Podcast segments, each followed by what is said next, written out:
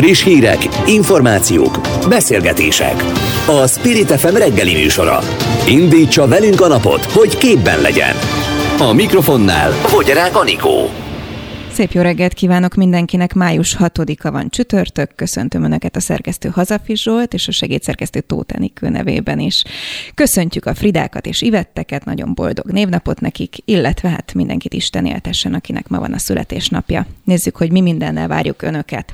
Lengyelország támogatja Ukrajna csatlakozását a NATO-hoz és az Európai Unióhoz. Hogy mit szól ehhez egyébként Oroszország és mi Magyarország szerepe, mindjárt átbeszéljük Mesterházi Attillával. Aztán a Magyar Nemzeti Múzeum megújításáért és a múzeumi integrációért felelős miniszteri biztosnak nevezik ki, nevezték ki El Simon Lászlót. Vele beszélgetünk majd arról, hogy mi lesz pontosan az ő feladata, hogyan képzeli el a munkáját, illetve hát az oltottsági mutatók ugye javulnak, folyamatos nyitás van, nyitnak az éttermek, a turisztikai vállalkozások, a második kerület alpolgármesterével beszéljük meg, hogy ott helyben egyébként mi a helyzet, hogyan látja. Az LMP szerint a helyreállítási terv egy kihagyott zöld zicser, erről is beszélgetünk majd, és sok minden másról, például a BKK vezérigazgatója is a vendégünk lesz telefonon. Ez csak az első óra, úgyhogy indulunk. Spirit FM 92.9 a nagyváros hangja. Lengyelország támogatja Ukrajna csatlakozását a NATO-hoz és az Európai Unióhoz, hangsúlyozta Andrei Duda lengyel elnök a napokban Varsóban a Volodymyr Zelenszky ukrán elnökkel közös sajtótájékoztatón. Ez azonban ellenkezik Oroszország geopolitikai érdekeivel. Az elmúlt hetekben amúgy is felbojdult Kelet-Európa az amerikaiak és az oroszok rivalizálása miatt. Vendégünk Mesterházi Attila, az Országgyűlés Külügyi Bizottságának szocialista alelnöke és a NATO közgyűlésének tagja. Szép jó reggelt kívánok, köszöntöm Önt. Jó reggelt kívánom. Segítsen nekünk akkor értelmezni ezt majd Magyarország viszonylatában is, de hogy mondjuk a NATO-orosz kapcsolatokra hogyan hat mindez, hát nem annyira felhőtlen Oroszország és Ukrajna helyzete, hogyha finom vagyok. Hát abszolút nem, hiszen egy konkrét fegyveres konfliktus van a két ország között. Oroszország egyszerűen csak elfoglalta Ukrajnának a a területének egy részét, tehát egy, egy agresszorként, agresszorként lépett fel Oroszország, és ez a mai napig ez nem egy befagyott konfliktus, hanem úgy szoktuk mondani, hogy igazából ez egy, egy forró konfliktus, hiszen hát naponta vannak olyan hírek, hogy meghalnak ukrán katonák, tehát mindig van valamilyen provokációt a kelet-ukrajnai térségben. Tehát valóban egy, egy hosszú távon konfliktusos helyzet alakult ki a keleti határán Ukrajnának, és ezért egyáltalán nem mindegy, és erre Ukrajna számít is, hogy az európai vagy NATO tagállamok kiállnak-e mellette, támogatják-e az ő úgynevezett euróatlanti integrációs törekvéseit. Én úgy látom, hogy Lengyelországban ez, ez eminens érdek, tehát ez, ez talán a leghangosabban mindig Lengyelország állt ki emellett, de egyébként a többi NATO tagállam is, vagy Európai Uniós tagállam is mindig támogatja ezeket az ukrán integrációs törekvéseket.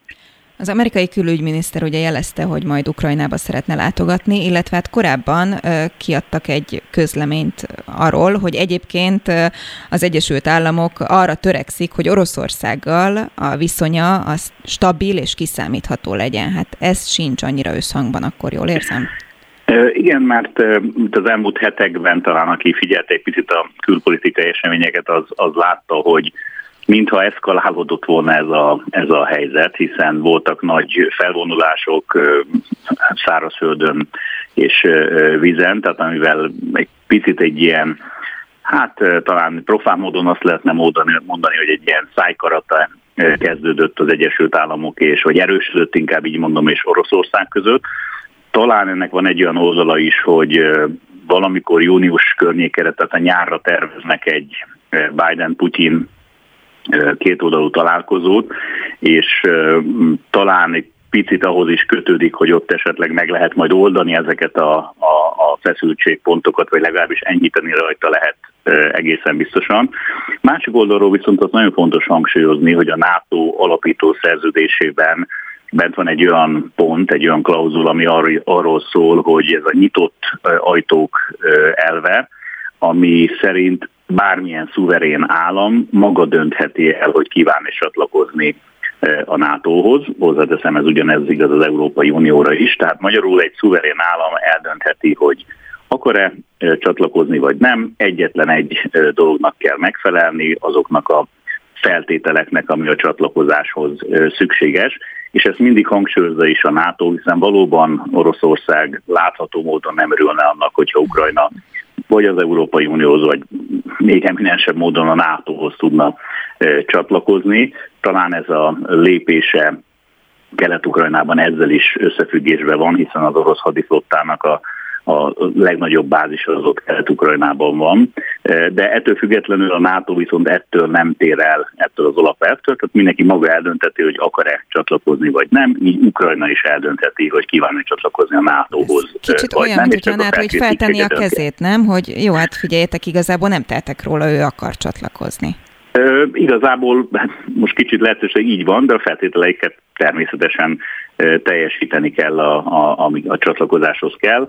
Én úgy gondolom, hogy ez egyetlen helyes politika, és egyébként emellett ki is állnak a NATO tagállamok, és támogatják is Ukrajnát. Látható módon most az amerikai külügyminisztérium is egy sokkal aktívabb szerepet vállal ebben a a, a térségben ebben a tekintetben, úgyhogy ez az amerikai külügyminiszternek a látogatása is valószínűleg ennek szól, vagy ennek is szól, hogy demonstrálják is ezt a fajta szándékot vagy fogadókészséget. Mi Magyarország kommunikációja ezzel kapcsolatban?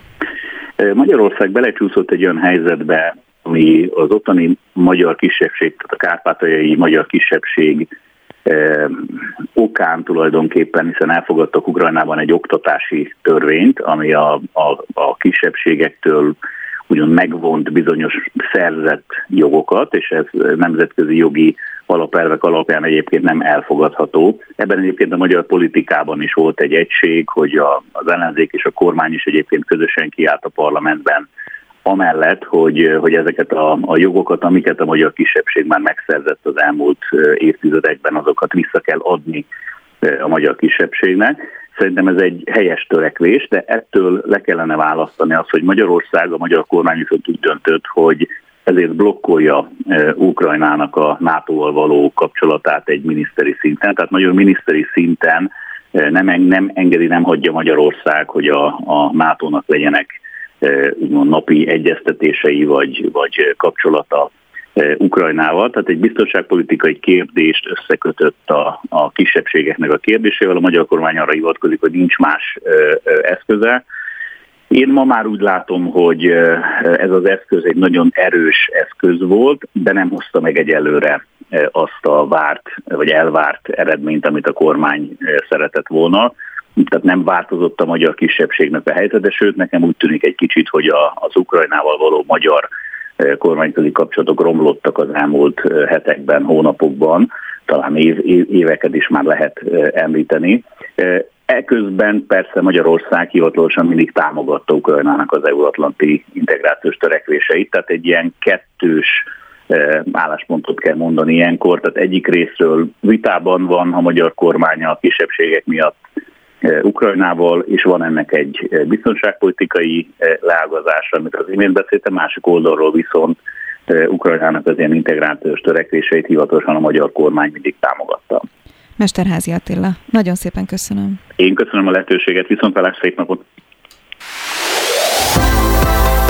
Spirit FM, ahol mindenki szóhoz jut.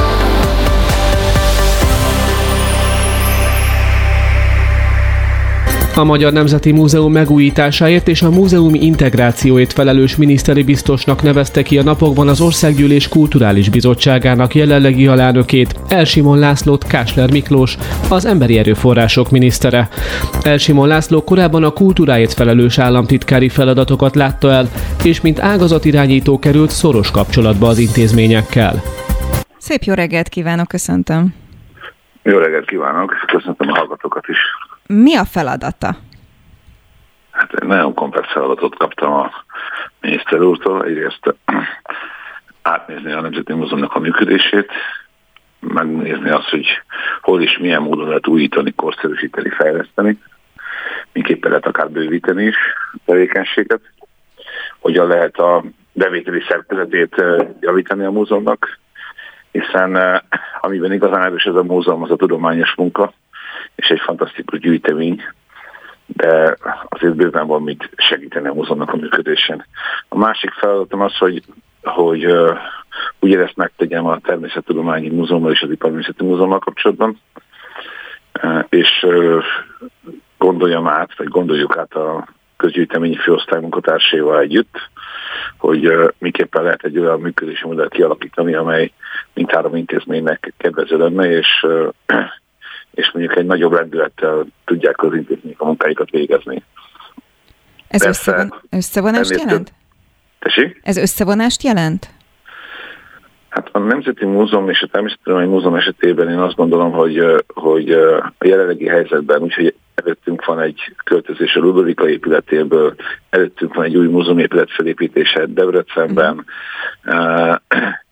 Én a lehető legpraktikusabbnak azt találom, hogy, hogy a két intézményt integráljuk. Ez nem egy új dolog, hiszen gyakorlatilag 1802-től a Nemzeti Múzeum létrejöttétől kezdve szinte a 90-es évek elejéig egy intézményként működött a Természettudományi Múzeum és a Nemzeti Múzeum, pontosabban a Nemzeti Múzeumnak a része volt a Természettudományi Múzeum. A, az Iparművészeti Múzeum esetében is felmerül az integrálás lehetősége. Pont tegnap tárgyaltunk erről Csehovszki főigazgatóról. Ugye nehéz helyzetben van a múzeum, hiszen az épületen nagyon-nagyon régóta, sok évtized óta felújításra szorult, befejezetlen szárny miatt pedig meg kell építeni. Ugye a múzeumnak valamennyi műtárgyát ki, ki, kivitték a múzeumból, és egy raktárban helyezték el. Egyébként egy nagyon korszerű és nagyon jó múzeumi raktárba jövő héten fogom végigjárni ezt a raktárat főigazgatóral. De azért ez a magyar adófizetőknek nagyon nagy teher, hiszen sok pénzt fizet az állam azért, hogy, hogy egy korszerű műtárgyraktárat béreljen az Iparművészeti Múzeum tárgyai számára. Tehát a lehető leggyorsabban el kell kezdeni az évekkel ezelőtt megrekedt felújítást. Tehát amennyire pozitív dolog az, hogy épül a Liget projekt, amennyire nagyszerű dolog szerintem az, hogy új néprajzi múzeum épül fel a Városligetben, elkészült a, a restaurátoroknak és a restaurátoroknak otthont adó intézmény a Szabolcs utcában, és én nagyon remélem, hogy nem fogja tovább akadályozni Karácsony Gergely, és meg fog tudni épülni egy új nemzeti galéria is. A, annyira, ugyanennyire fontos lenne az, hogy a, az Iparművészeti Múzeumnak az épülete is megújuljon. Mikor a... kívül még, ezen kívül még jó pár más dologgal kell majd foglalkozni ebben az egy évben, amíg tart a miniszteri biztosi kinevezést, hiszen újra kell gondolni a a Nemzeti Múzeum és a Vidéki Múzeumok kapcsolatát is. Mert a Vidéki Múzeumok ugyanúgy, ugyanúgy segítségre szorulnak, főleg a nagy megyei múzeumok, hiszen vannak a megyei hatókörű múzeumok, ezek a megyei székhelyek a fenntartásával működnek a legtöbb esetben, nem mindegyik esetben, hiszen Tata vagy Szentez esetében nem. De ezek az intézményeknek a fenntartói nem egy esetben egyetlen egy forintos járulnak hozzá a fenntartásukhoz. Gondoljon arra, hogy mondjuk a színházak esetében egy évvel ezelőtt olyan törvényt hoztunk, hogy amennyiben 50%-ot nem érje az önkormányzati finanszírozás egy önkormányzati intézmény esetében, akkor átkerül vagy átkerülhet állami vagy közös fenntartásba, attól függ, hogy milyen a finanszírozási modell. Magyarországon több olyan múzeum is van, ahol a fenntartó egyetlen egy forintot sem ad a saját múzeumának a működéséhez, miközben megkapta a múzeumot és a, a múzeumnak az épületét ingyen az államtól. Nem kis feladatnak tűnik, amit most itt egyébként felsorolt az elmúlt pár percben. Nem, a megbizatás én, egy én... évre szól, ezt ennyi idő alatt lehet realizálni? Ugye a megbizatás azért szól egy évre, mert egy miniszteri biztosi kinevezés az nem nyúlhat túl a kormánynak a mandátumán. Tehát jogilag lehetne ennél hosszabb is, de a törvény, mármint elvileg lehetne hosszabb, hogyha még egy évvel ezelőtt kezdjük el ezt a munkát, de a törvény nem teszi azt lehetővé, hogy egy miniszteri biztos az a kormány mandátumán túlterjeszkedően, időben túlterjeszkedően végezze a munkáját. Tehát valószínűleg ezt a munkát érdemes lesz folytatni a választás után is. De hát most még nem tartunk ott, nem ezen kell most gondolkozni, és bőven van mit csinálni. Én azt gondolom, hogy nagyon sok mindent el lehet végezni, és az elmúlt két hétben nagyon sok mindent el is végeztünk. Tehát a, azokat a szakmai egyeztetéseket, amelyek egy esetleges integráció előtt szükségesek, azokat elkezdtük. Mind a múzeumvezetőkkel, folytatni fogjuk az üzemi tanácsokkal, folytatni fogjuk a Puszki Társasággal, mert az ő véleményükre is kíváncsiak vagyunk, tehát a szakmai civil szervezeteknek a véleményére is kíváncsiak vagyunk, hogy hogyan látják, mielőtt a végleges döntést meghozzuk. Azt biztosan tudom mondani, hogy nagyon árnyaltan kell kezelni ezeket a kérdéseket. Tehát például a Természettudományi Múzeum esetében a Debrecenbe való költözésről árnyaltan kell beszélni. Ez mit jelent? Azt, amit a kormány, rögtön elmondom, azt, amit a kormány elhatározott, hogy Debrecenben létrejön egy új, nagyszerű természettudományi múzeum, azt, azt, a cél, azt a célt mindenképpen meg kell valósítani, hiszen az egy óriási nagy lehetőség Magyarországnak, hogy nem csak a fővárosban, hanem vidéken is épül egy új múzeum. Tehát erről nem szabad lemondani de azt nyilvánvalóan át kell gondolni, és erre is jó egy uh, múzeum integráció, hogy uh, a, a Természettudományi Múzeum gyűjteményében levő uh, dolgokat, ezt mind levigyük el, uh, elvigyük el Debrecenbe. Tehát például az embert, ami tárnak a több ezer, sok ezer uh, emberi csontfázát, én nem mozgatnám, azt nem vinném el Debrecenben, Debrecenbe. Viszont azokat a dolgokat, amelyekből tényleg egy egy nagyon komoly, korszerű, nem csak a debreceni közönséget, hanem az egész magyar nemzeti közösséget megszólító, sőt a, a vonzás közöttre gondolunk, akkor Románia, Ukrajna, Szlovákia vagy Lengyelország turizmusát is valamilyen módon megcélzó egyfajta turisztikai destinációvá tevő múzeumépületnek a megépítése és, és egy nagyszerű kiállításnak a berendezése, azt szerintem elengedhetetlenül fontos. Kérem, hogy nagyon röviden reagáljon még a végén arra, hogy a DK pont azt kérdőjelezte meg, vagy érdeklődötte felől, hogy miért pont most, ugye ön is mondta, hogy egy évvel ezelőtt is lehetett volna ezt a munkát elkezdeni, és Génémet Erzsébet azt mondta, hogy eleve homályos jelentésű ez a múzeumi integráció. Hát én nem tudom, hogy Génémet Erzsébet miről beszél. Látni kell, hogy a, a Nemzeti Múzeum most is egy nagy, nagy intézmény, egy komoly intézmény, fél ezer dolgozóval, számos filiáléval, tehát a Nemzeti Múzeum az nem úgy néz ki, ahogyan néhányan elképzelik, mondjuk ahogyan Gyéném és a térséget elképzeli, hogy a múzeum körülön ott van egy ilyen szép tűmpalonos uh, oszlopos épület, hanem, hanem számos egysége van. Sárospatakon, Balátszán, uh, Esztergomban, és sorolhatnánk tovább azokat a múzeumi egységeket, amelyek a Nemzeti Múzeumnak a szerves részét képezik, mint filiálék.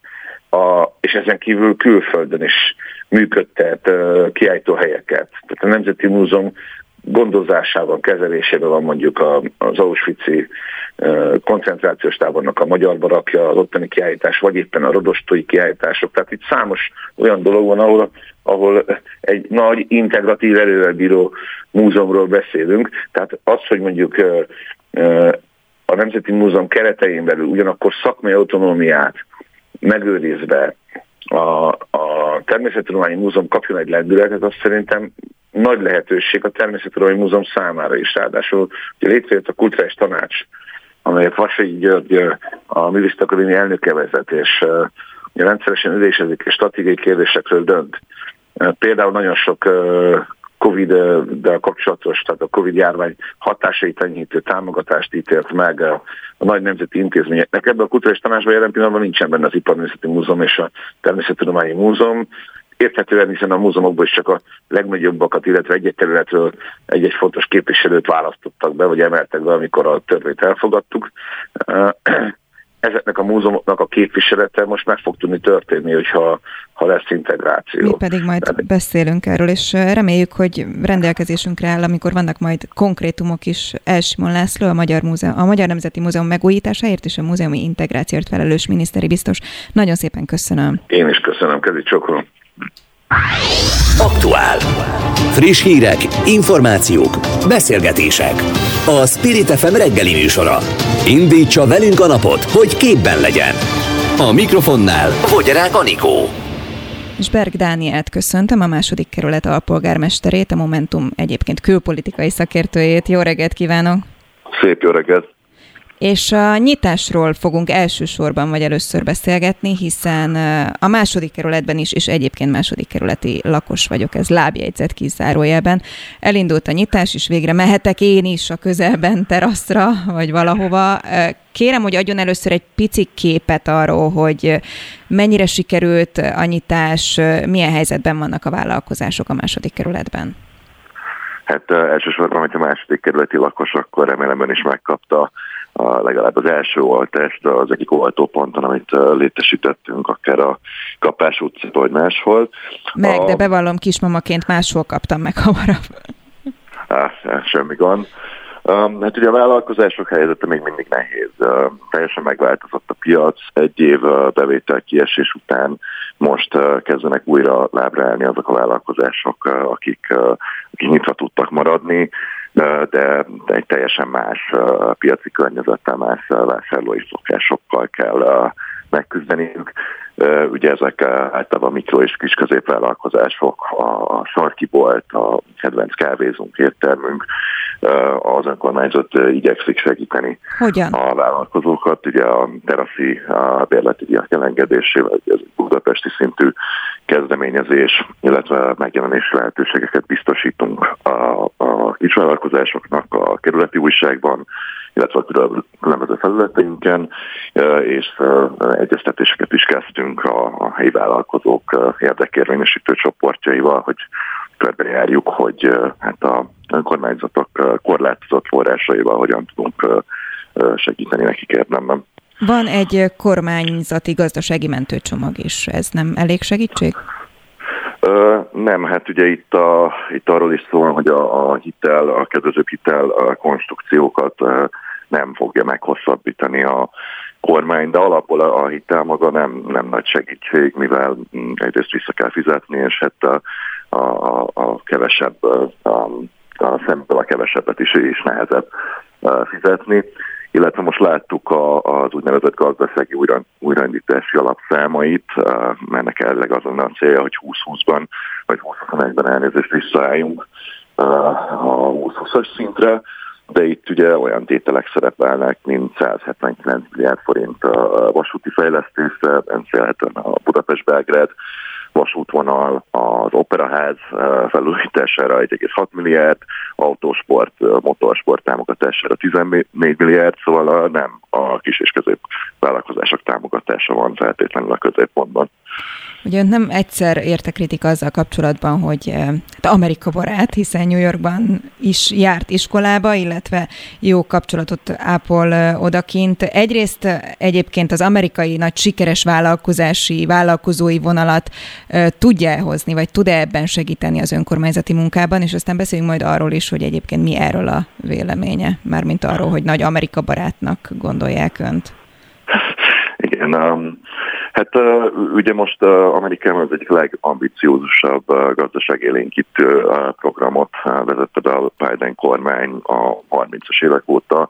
Ennek egy nagy része munkahelyteremtés, egy, egy jelentős része ugye közvetlen támogatás a bajba jutott szektorok kisvállalkozásoknak, illetve van egy, egy jelentős infrastruktúra fejlesztési lába is, ugye útépítéstől kezdve hidaknak a, a modernizációig, át um, kommunikációs hálózatok fejlesztéséig, szóval a, a kiesett munkahelyeket szeretnék pótolni. Szerintem ez egy, egy követendő példa lenne, hogy egy ilyen krízis helyzetben az állam az egy nagyobb szerepet vállal, és, és ilyen ambiciózus programokat vezet be. Berg Dániel, második kerület alpolgármestere, Momentum külpolitikai szakértője. Innen folytatjuk majd legközelebb. Köszönöm, Köszönöm szépen. Köszönöm szépen. Szép napot is. Aktuál. Friss hírek, információk, beszélgetések. A Spirit FM reggeli műsora. Indítsa velünk a napot, hogy képben legyen. A mikrofonnál Fogyarák Anikó. A helyreállítási terv újratervezését követeli az LMP. A párt szerint Magyarország helyreállítási és ellenálló képességi terve alig-alig szolgálja hazánk klímapolitikai céljainak megvalósítását. Az LMP úgy véli, a terv a pazarló elektromos fűtést támogatja, ami legfeljebb Paks 2 legitimitását szolgálhatja, pedig lehetne jobb megoldás is. A párt szerint hiányzik a szélenergia és a biogáz támogatása is. Úgy fogalmaznak, a terv jelenleg egy kihagyott zöld viccer. Smuk Erzsébet, az LNP társelnök a vendégünk telefonon. Jó reggelt kívánok! Jó reggelt kívánok! No, mi a probléma ezzel a helyreállítási tervel?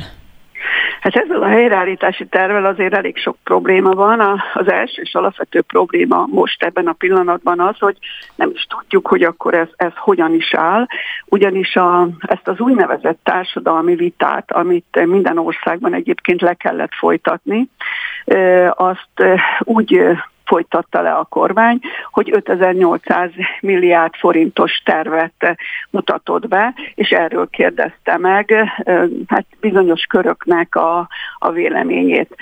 Múlt héten, illetve hát nem olyan nagyon régen, néhány napja kiderült, hogy a kormány meggondolta magát, és nem vesszük igénybe a kamatmentes hitelt. Tulajdonképpen itt 5800 milliárd forintos össztételről beszélünk, ebben 2500 milliárd az, amit támogatásképpen kapna, vagy kap Magyarország, és 3300 milliárd az, amit kamatmentes hitelként kaptunk volna. Én magam nem szeretem a hiteleket általában, de azért ezt tudni kell, hogy ez egy kamatmentes hitel, és az elmúlt időszakban pedig a kormány nagyon-nagyon magas kamattal vett fel például a Paks 2-re is tudjuk hitelt, vagy például a Budapest-Belgrád vasútvonalra. Na a lényeg az, hogy, hogy a kormány most úgy döntött az utolsó pillanatban, hogy nem veszük fel ezt a kamatmentes hitelt. Magyarul 2500 milliárd forinttal lehet most számolni az 5800 milliárd forint helyett. Bocsánat, csak egy felmondat, hogy Gulyás Gergelyre azt mondta, hogy egyébként ezt a hitelt 2023 végéig bármikor lehet igényelni, úgyhogy majd megfontolják még a későbbiekben, illetve hát azzal indokolták, mondták, hogy nem vettük fel, vagy nem igényelnénk ezt a hitelt, hogy szeretnék minél alacsonyabb államadóság mellett végrehajtani a gazdaság újraindítását. Hát egyébként azért az a megjegyzésem, hogy az államadóságot nem most kellene meggondolni, hogy minél kisebb legyen, tehát ott a, a magas kamatok, a magas kamatú hiteleket nem kellett volna igénybe venni, viszont itt most nem arról szól, hogy esetleg később jövőre vagy azt követőében Magyarország igénybe veszi, hanem ezt az egészet újra kell tervezni. Tehát fogalmunk sincs arról, hogy a kormány most a, a benyújtott, illetve hát ilyen félig vagy nem félig hivatalosan benyújtott helyreállítási tervből mit fog kiszedni. Tehát itt 5800 milliárddal tervezték meg ezt a tervet, most pedig tudjuk azt, hogy 2500 milliárdos tervet fog elbírálni az Európai Unió. Tehát azért nagyon nagy a különbség, ami azt jelenti, hogy ha 2500 milliárddal tervezzük ezt a tervet, tervet, akkor az egy teljesen új terv. Tehát mindenképpen újra kell tervezni. A kormány nyilván úgy gondolja, hogy most ilyen hát a a szobákban egyeztet a, a bizottsággal, hogy mi mindent vesz ki ebből az 5800 milliárdos tervből, viszont ezt biztos, hogy az országgyűlés elé kellett volna előtte hoznia, illetve a társadalmi vitában is ezt kellett volna bemutatnia. Tehát ezzel alapvető probléma van. A nagy terv egyébként jó volt? Az eredeti, az igen, 5800. Igen. Nyilván Pontosabban én eh, most eh, elsősorban a klíma, klímapolitikai célek megvalósítása szempontjából néztem, pontosabban így adtam ki tegnap egy közleményt. Ez az 5800 milliárd eh, forintos terv is klímapolitikai szempontból nagyon-nagyon gyenge volt, holott tudjuk azt, hogy Magyarország előtt is nagyon-nagyon komoly feladat, hogy próbáljuk meg a, a klímaváltozást fékezni és alkalmazni alkalmazkodni, alkalmazkodni tudjunk a, a megváltozott helyzethez, de hát azt látjuk, hogy ebben az egész tervben is, tehát ez inkább csak egy ilyen kicsit zöldre festés, mert abban olyan elemek is voltak, amit százszerzalékosan klímavédelmi feladatnak tudtak be, de egyáltalán nem ez. Hát erre példaként tudom említeni ezt a mezőgazdasági öntözési rendszernek a képítését, amiről egyébként tudjuk, hogy ilyen projekteket az Európai Unió nem szokott támogatni, úgyhogy várhatólag ez persze ki is fog kerülni majd ebből a programból, de vannak nagyon komoly más típusú problémák. Hát most e-, e-, említeni szeretném, hogy teljesen hiányzik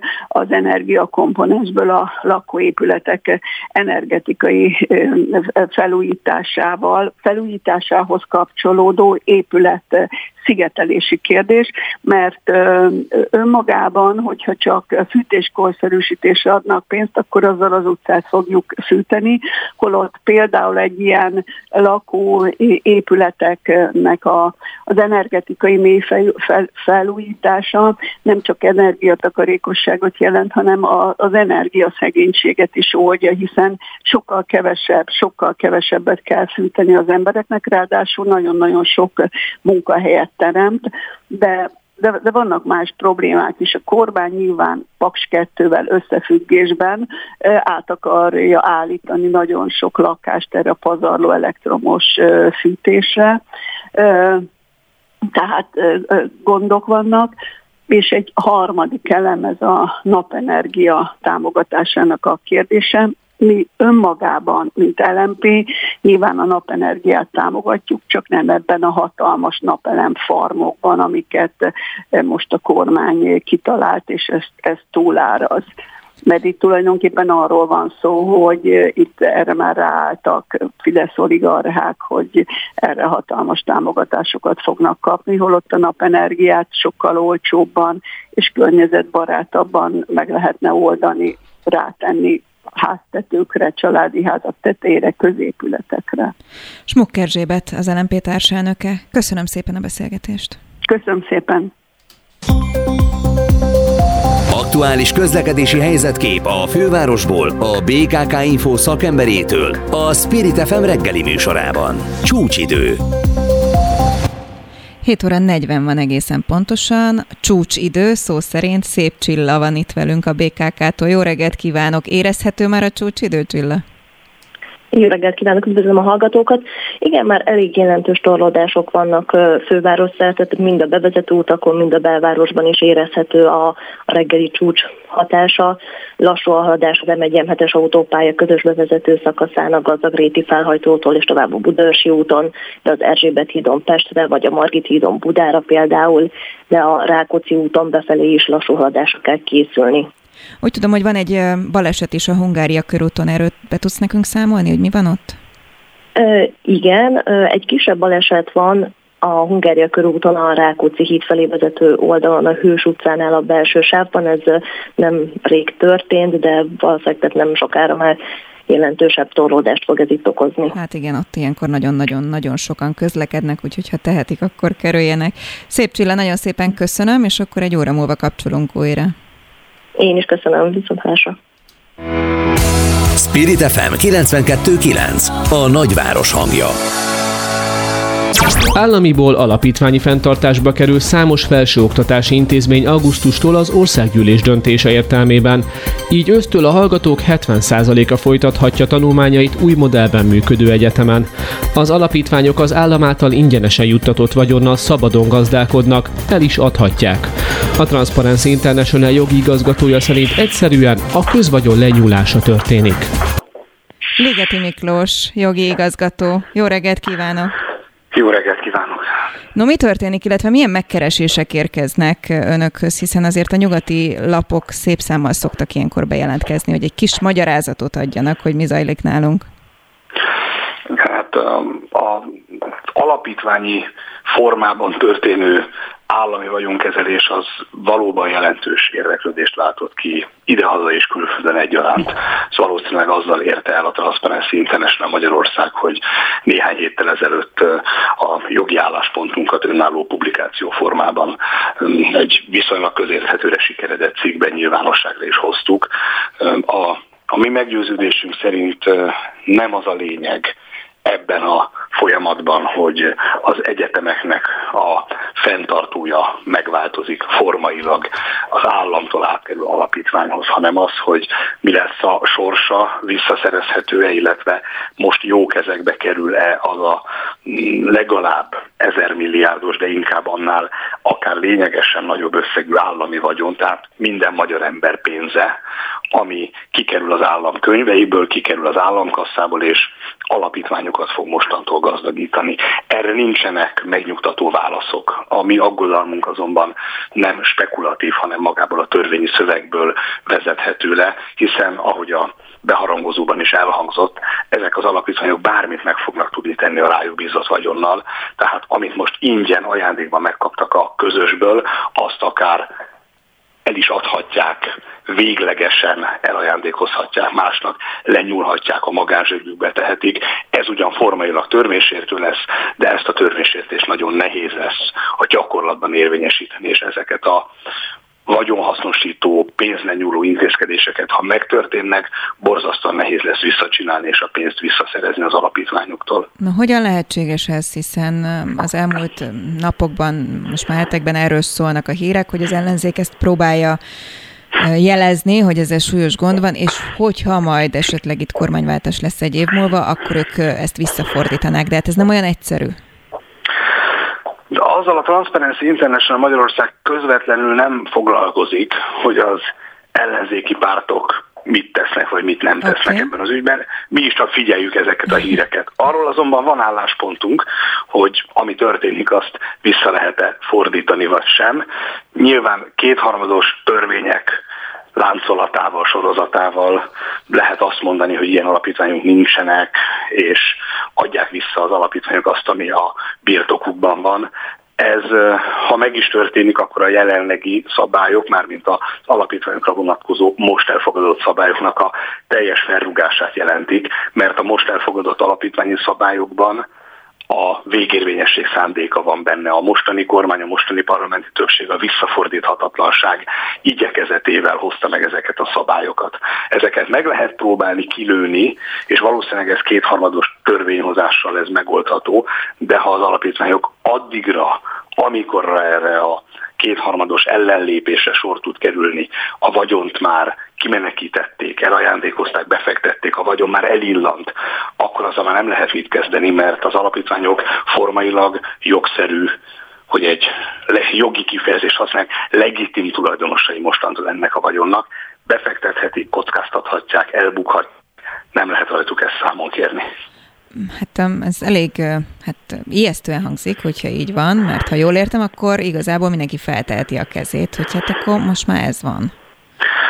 Hát ahogy ön fogalmazott alapítványnak... korábban, ez egy padlás kisöprés, csak akkor ezt sem megakadályozni, sem visszafordítani, visszafordítani nem lehet a hatásait nem biztos, hogy lehet orvosolni.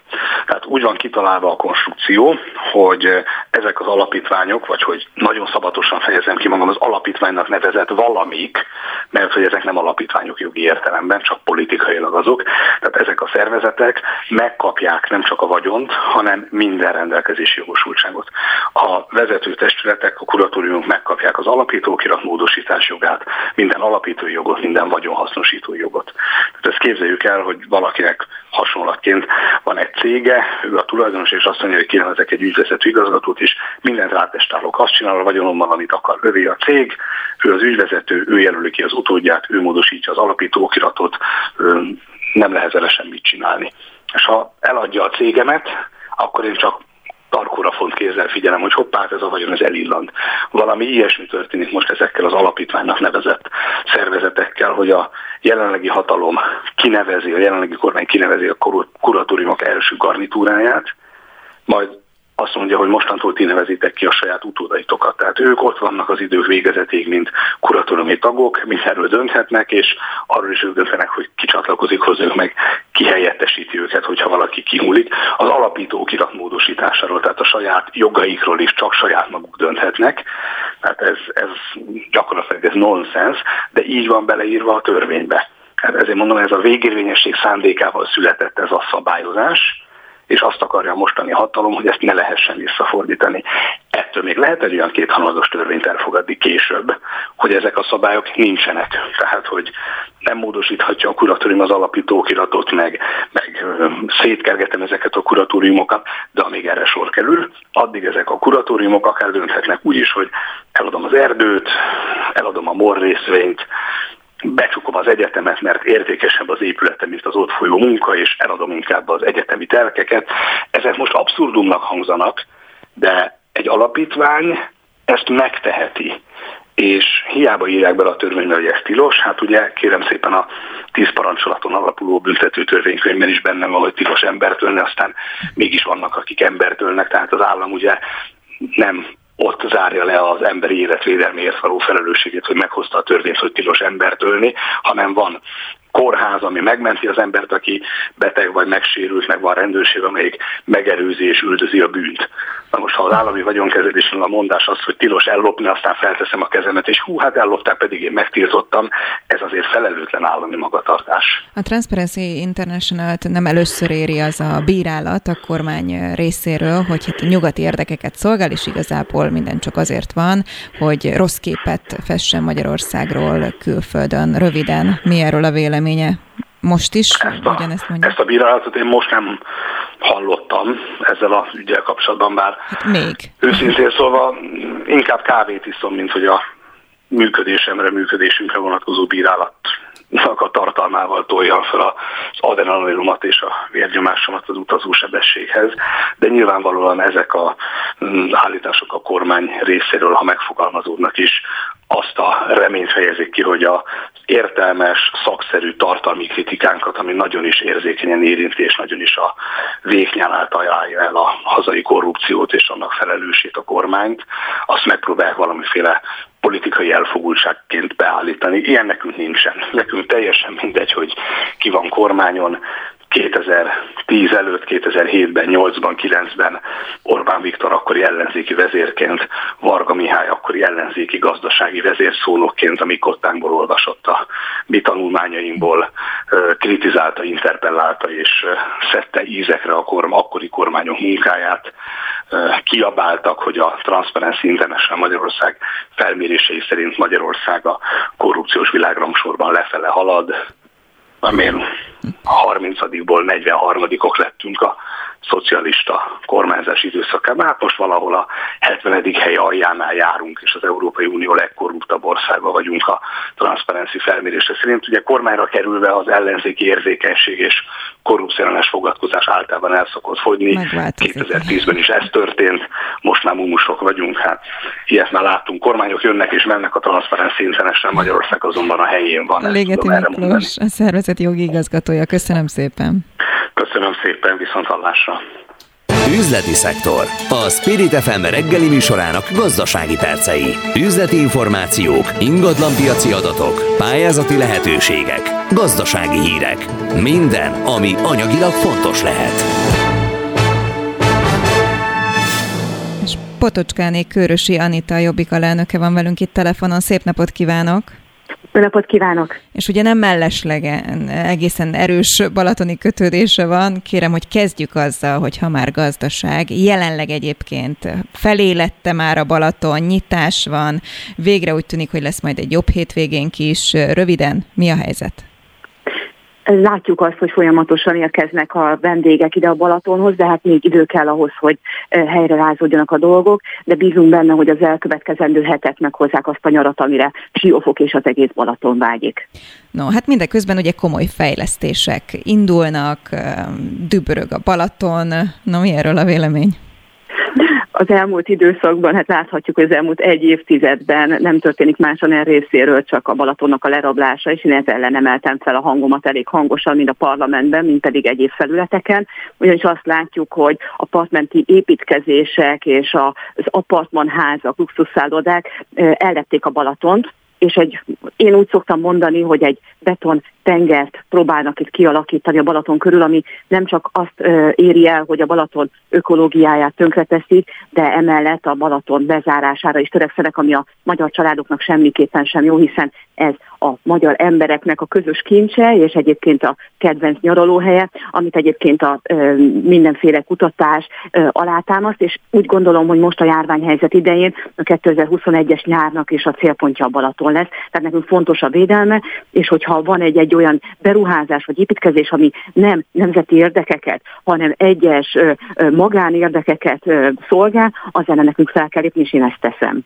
No, hogyan lehet fellépni, illetve hát ugye a tavalyi év sajnos vagy szerencsére, a balatoniaknak szerencsére, nekem például, aki nem tudtam külföldre menni sajnos, bizonyította, hogy a belföldi turizmus igenis brutálisan dübörög a Balaton környékén, tehát igazából szuper jó, hogy van hova elmenni, pihenni. És ez vonza azt, hogy további fejlesztések vannak, például vasútfejlesztés, vagy kerékpárút. Mi ezzel a probléma a képen kívül?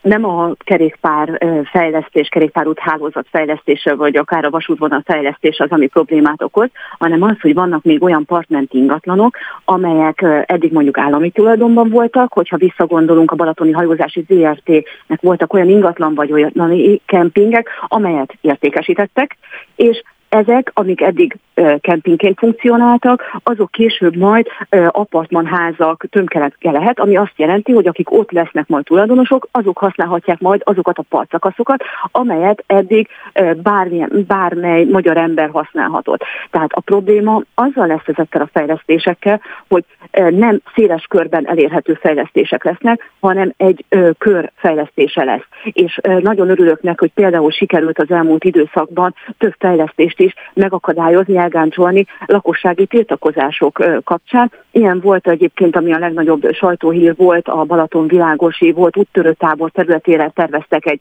közvetlen vízparti, több mint 70 szobás luxus betonmonstrumot, és hála Istennek, hogy a széleskörű lakossági tiltakozás és a parlamenti felszólalások, írásbeli kérdések megtették a hatását, és végül a kormány visszavonulót fújt. Tehát nekünk az a legfontosabb feladatunk, hogy a most még elérhető szabad partszakaszok továbbra is szabad partszakaszok legyenek, és ami azt a célt szolgálta, hogy a magyar családoknak pihenés, pihenőhelye legyen, az továbbra is maradjon az. És védjük a nádasokat és a Balaton ökológiáját, mert az is is egy rendkívül-rendkívül fontos feladat. Akkor mi lehet a megoldás a fejlesztésekre, hiszen ugye ugyanakkor azt is látjuk, hogy igény van arra, hogy minél több mondjuk férőhely legyen, hogyha belföldi turizmus tekintjük.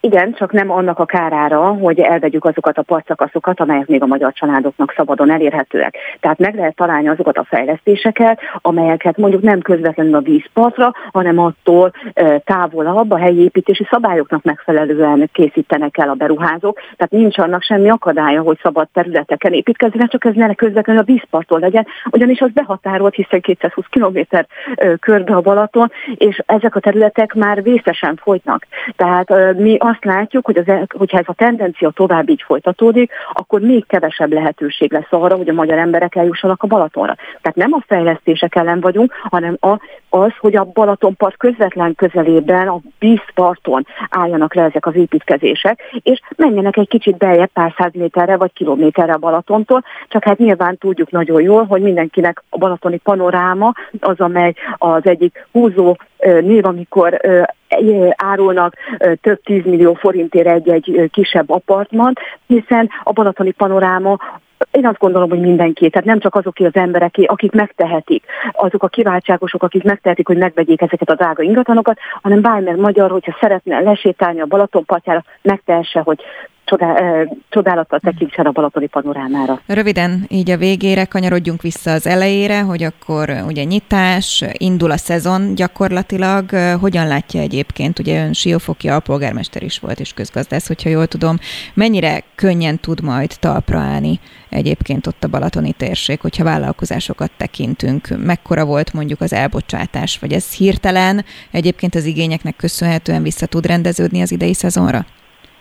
Igen, én is több vállalkozóval beszéltem, és hát az a probléma felmerült, hogy ugye hosszú hónapokig zárva voltak a vendéglátóipari egységek. Nyilván a Balatonnál egy szezonalitás abszolút megfigyelhető, de akik állandóan nyitva tartó vendéglátóipari egységek, azoknál az alkalmazottaknak egy része pályaelhagyóként más szakterületen találta meg a boldogulását, nyilván az a fontos, hogy visszacsábítsák őket, hiszen, ahogy mondtam, mi is úgy várakozunk, és polgármester is úgy várakozik, hogy egy jó nyárnak nézünk elébe, hogyha járványügyi intézkedések és a járványhelyzet ezt majd engedi, de ahhoz, hogy a munkavállalók visszajöjjenek, ahhoz a vendégek is kellenek, mert csak így együtt tud működni a Balaton. Én azt gondolom, hogy ha, ha az időjárás is engedés, a járványhelyzet is, hogy ez akkor egy kiemelkedő szezon fog zárni a 2021-es nyár itt a Balatonon.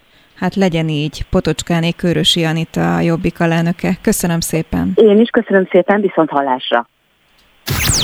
Műsorajánló Friday Light ha péntekre lefőtt az agyad, Én teljesen ki voltam borulva. indítsd itt a hétvégét.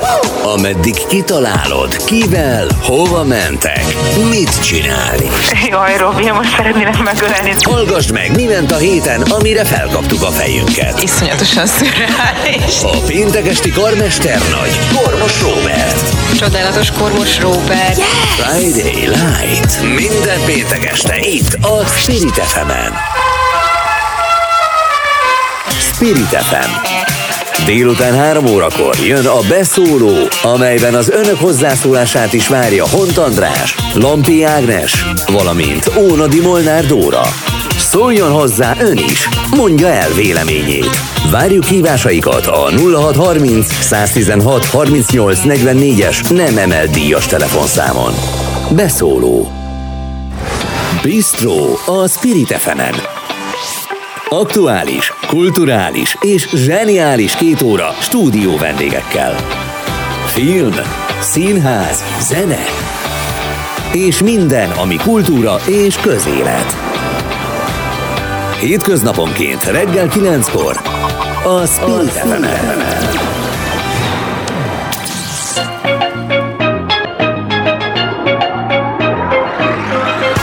Puzsér Robert visszatért az éterbe. Hallgass! Aktuál! Friss hírek, információk, beszélgetések. A Spirit FM reggeli műsora. Indítsa velünk a napot, hogy képben legyen. A mikrofonnál Fogyarák Anikó. És 8 óra 6 perc van, jó reggelt kívánok mindenkinek, aki most csatlakozik. Nézzük, hogy a következő egy órában mi mindennel foglalkozunk. A Budapesti Fejlesztési Központ elindítja a Pesti körvasúti új megállók tervezését. Mindjárt beszélgetünk Vitézi Dáviddal, aki a vezérigazgatója a BFK-nak.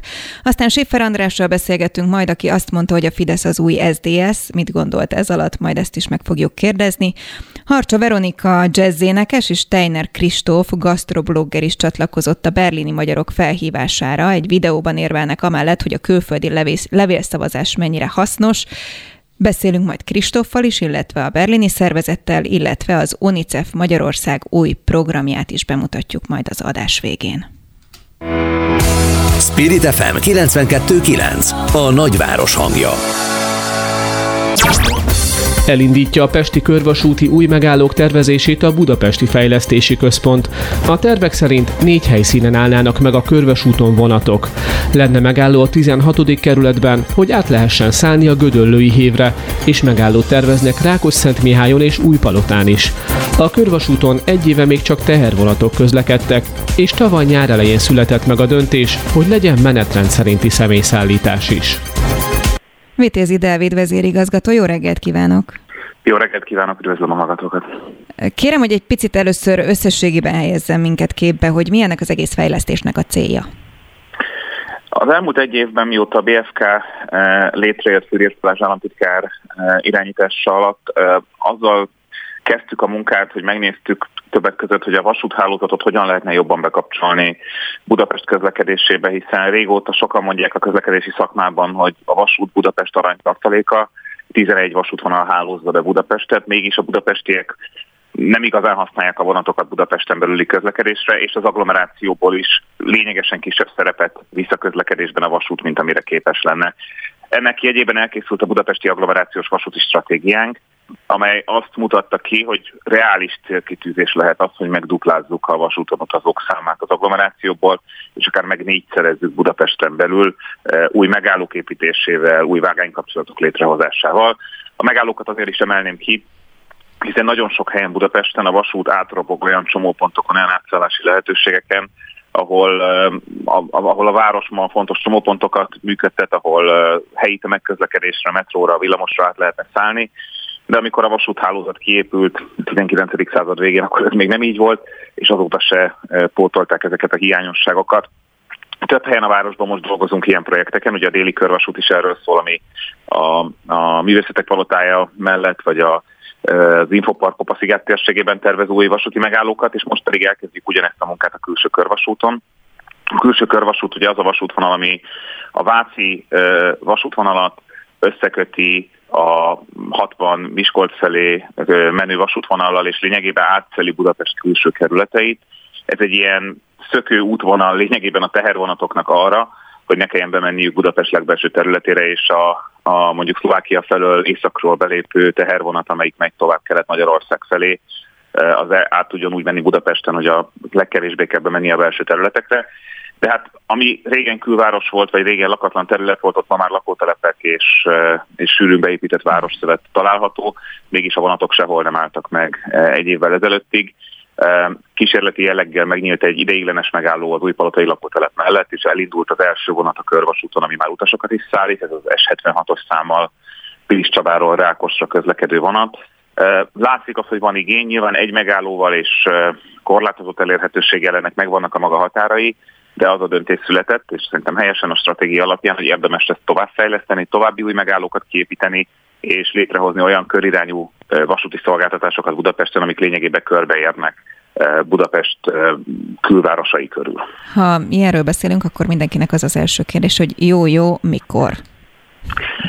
Ugye most uh, kiírjuk a tendert, ezt jelentettük be, éppen talán ma reggel fog megjelenni, 9 órakor jelenik a közbeszerzési értesítő, vagy holnap, majd meglátjuk. Most írjuk ki a tendert a tervezésre, ez egy körülbelül másfél éves tervezési munka, amire erre építési engedélyt is kapunk, uh, és ezt követően születhet döntés 2022 második felében a kivitelezésről. Azért ezek az új megállók nyilván sokba kerülnek, de nem akkora beruházások, mint egy teljes vonal felújítása, de bízunk abban, hogy ezek azért gyorsan meg tudnak valósulni, hogyha minden jól megy, és a tervek után megkapjuk a kivitelezésre is a kormányzattól a, a forrásokat, vagy Európai Uniós forrásokat el tudunk erre nyerni, akkor ez 2024-re el is készülhetnek ezek a megállók. Mi ezen leszünk, hogy ezt, ezt az ütemtervet tartani tudjuk. Amikor egy ilyen tervezési folyamat van, akkor egyébként a fővárossal együtt működnek? Tehát most például volt erről szó, és hogyha igen, akkor miben? Persze, nem is lehetne másképp ezt jól csinálni. A fővárossal minden ilyen projektben együttműködünk, magát a vasúti stratégiát is elfogadta a fővárosi közfejlesztések tanácsa. Karácsony Gergely főpolgármester és Gulyás Gergely miniszter aláírásával megjelent a határozat, ami a stratégiát és az abban foglalt projekteket támogatja. De nyilván a konkrét helyszíneken is össze kell ezt illeszteni. Mondok egy példát, mert biztos, hogy minden hallgató ismeri a helyszínt, de a Kolozsvár utca és a Körvasút találkozása Rákos Palotán, ahol a Uh, ahol az egyik leghíresebb rántott húst is lehet kapni egy büfében, talán így már sokan olvastak róla. Uh, ott, uh, Palotai gyökerekkel rendelkezem, vigyázzon akkor megvan a helyszín. Meg. Ott ugye, ott ugye, ha egy új vasúti megállót szeretnénk, amire e, át lehet szállni akkor a környező buszjáratokról, özös buszról, 62-es, 69-es villamosról, akkor nem csak vasúti megállót kell építeni, mert történelmileg a vasút annyira elvágja a várost, hogy a villamosnak meg a buszoknak sincs megállója ott. Tehát nyilvánvalóan ennek csak akkor van értelme, hogyha a BKK is kiépíti a kapcsolódó busz és villamos megállókat. E, és ez így is fog történni, ebben együttműködünk a BKK-val, tehát természetesen a fővárossal e, minden ilyet egyeztetünk, és persze a kerületekkel is. Most ugye a sajtótájékoztató, amin bejelentettük ezt, pont a 16. kerületben volt a 16. kerület polgármesterével, e, megyek a 15. kerület polgármesteréhez is a jövő héten egyeztetni erről, tehát mindenképpen szeretnénk ezeket a lehető legjobban összehangolni a környező városi szövettel, így van értelme. Hogyha egy, egy kicsit ilyen budapesti kontextusba helyezhetem, ugye zajlik a déli körvasút fejlesztése, ami egy ennél jóval nagyobb beruházás, hiszen ott végig új vágányok is épülnek. Külső körvasúton tervezzük az új megállókat, ha ezek mondjuk mind elkészülnek, akkor lehet olyan vonatokat indítani, és szeretnénk is, amelyek Székesfehérvár felől jönnek, megállnak Érden, Budafokon, Nagytétényben megérkeznek Kelenföldre, Kelenföldről az új körvasúti vágányokon, amik épp azért épülnek, hogy több személyvonat tudjon menni, áthaladnak Pestre, megállnak előtte még Budán a Kopaszigátnál, utána Pesten a közvágóhídnál, a Hévekhez csatlakozva, utána a Népligetnél, a hármas metró keresztezésénél, majd az éles saroknál, és végül ráfordulnak a külső körvasútra, megállnak a Gödöllői hív keresztezésénél, a Kerepesi útnál, megállnak Rákos-Szentmihályon, megállnak az újpalotai lakótelepnél, megállnak az előbb megbeszélt megállónál Pestújhelyen, a Kolozsvár utcánál Rákospalotán, majd tovább mennek, megállnak Angyalföldön, ez már a meglévő Resztergomi vonal, az Újpest városkapu 3-as metróállomáson átmennek az északi hídon és Újpesti hídon, és megérkeznek Óbudára, majd tovább mennek Pilis Csaba felé.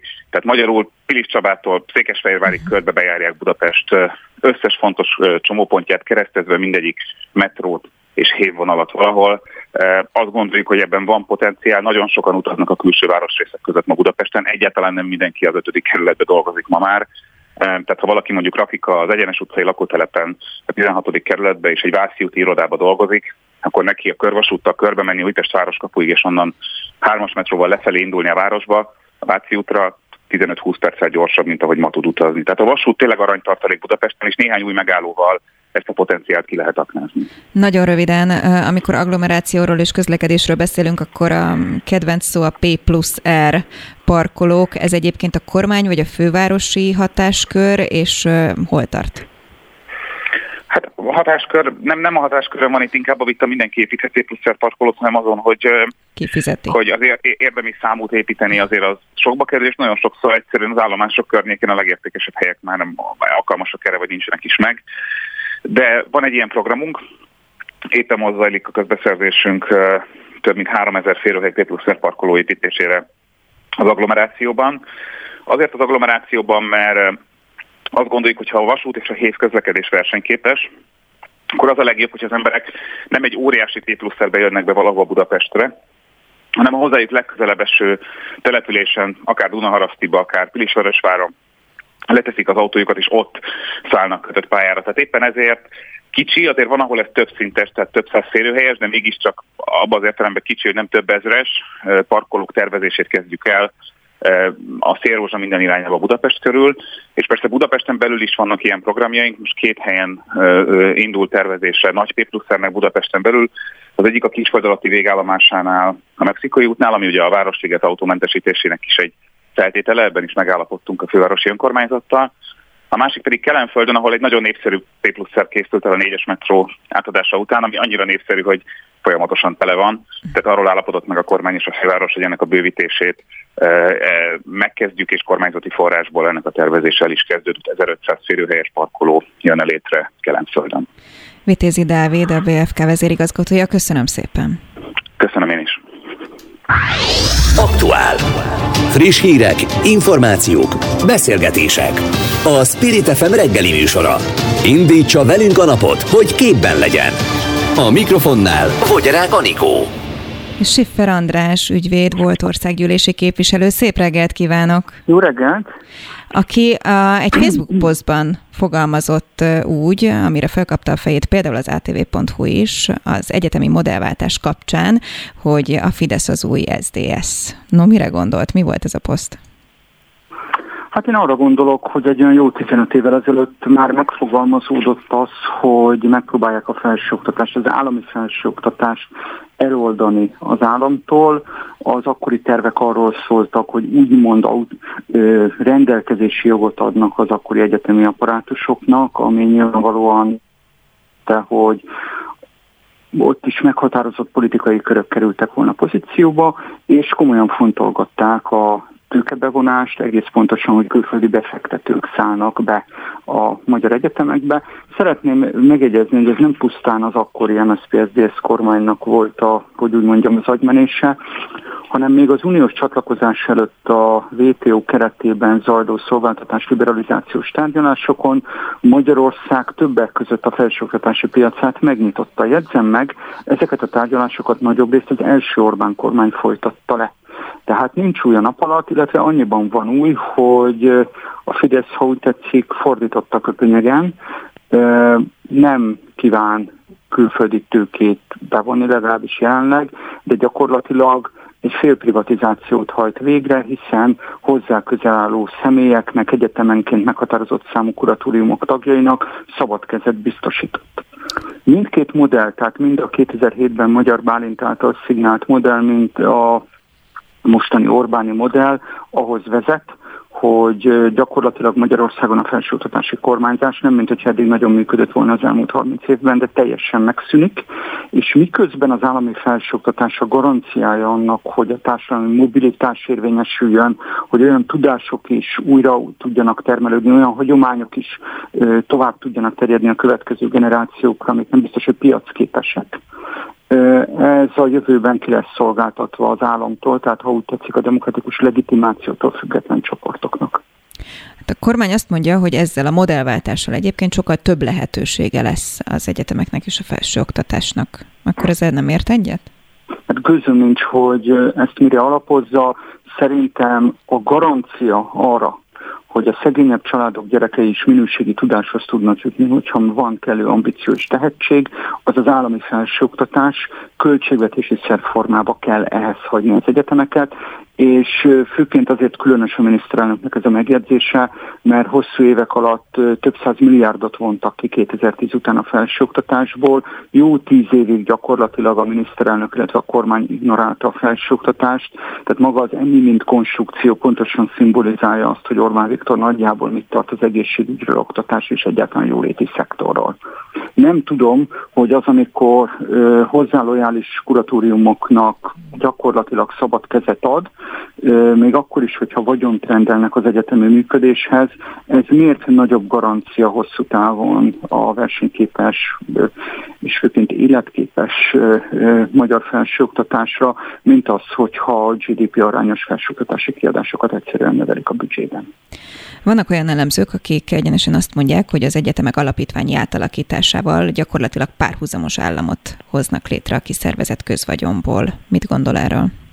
Én is ezt mondom, és én ezt jegyeztem, megírtam le a 24.hu-ban is a húsvéti törvényhozási dömping kapcsán hetekkel ezelőtt.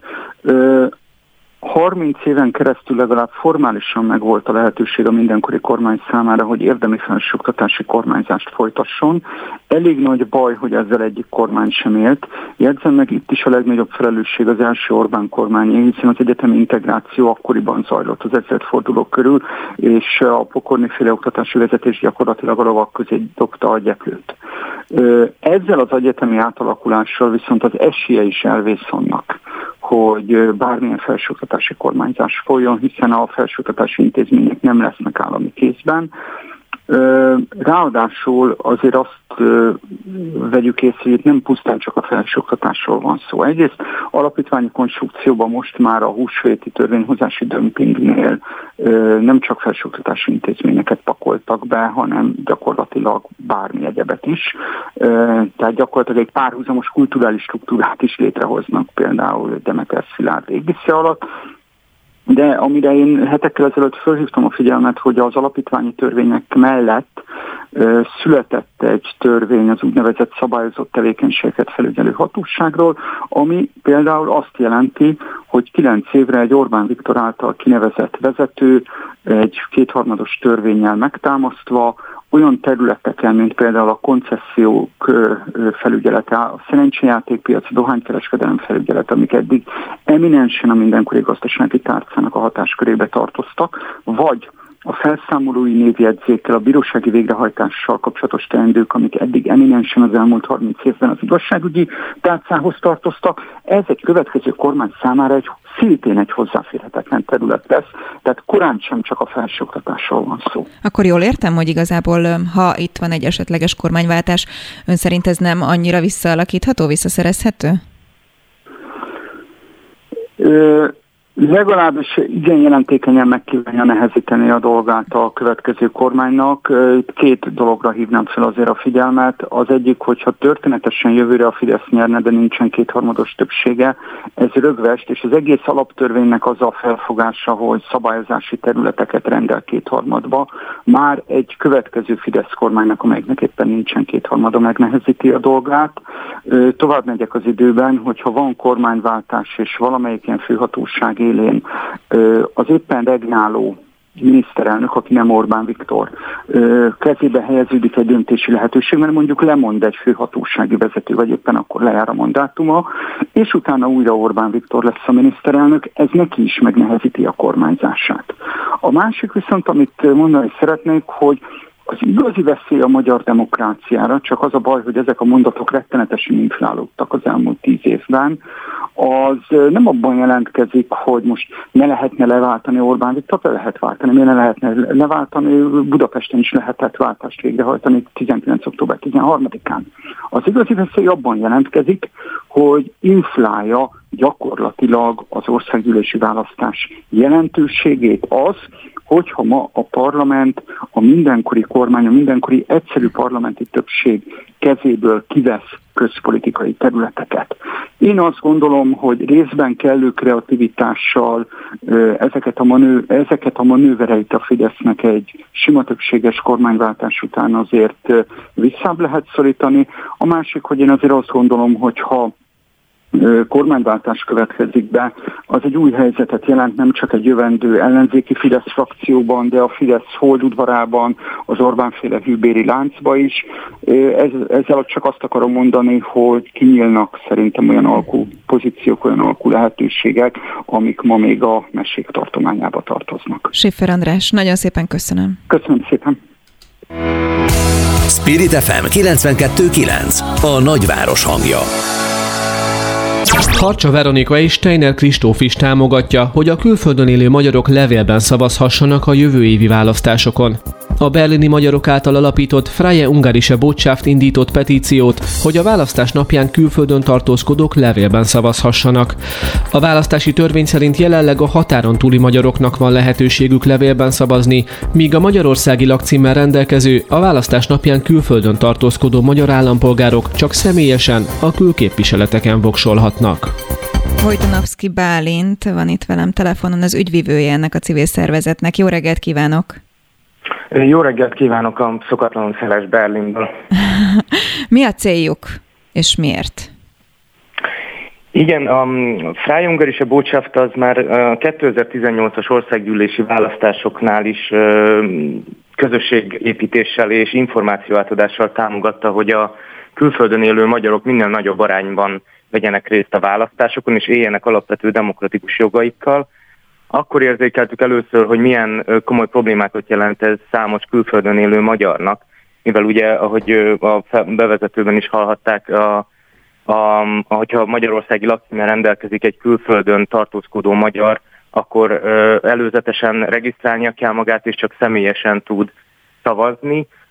Szerintünk ez egy szükségtelen és egyébként az EU-ban példátlan megkülönböztetése a, a külföldi választópolgároknak, ezért mi jogegyenlőséget szeretnénk, és azt szeretnénk, hogy minden külföldön élő magyar levélben szavazhasson, attól függetlenül, hogy van-e magyarországi lakcíme vagy sem. Ezért indítottunk egy petíciót néhány héttel ezelőtt, amit már közel 15 ezer aláíró támogat. Lehet-e bármit tenni, hiszen Gulyás Gergely egy kormányinfon azt mondta, hogy a választás előtti évben nem lehet változtatni a szabályokon, és ő egyébként sem nyitná továbbra a levél, tovább a levélszavazás kapuját. Mit gondol erről?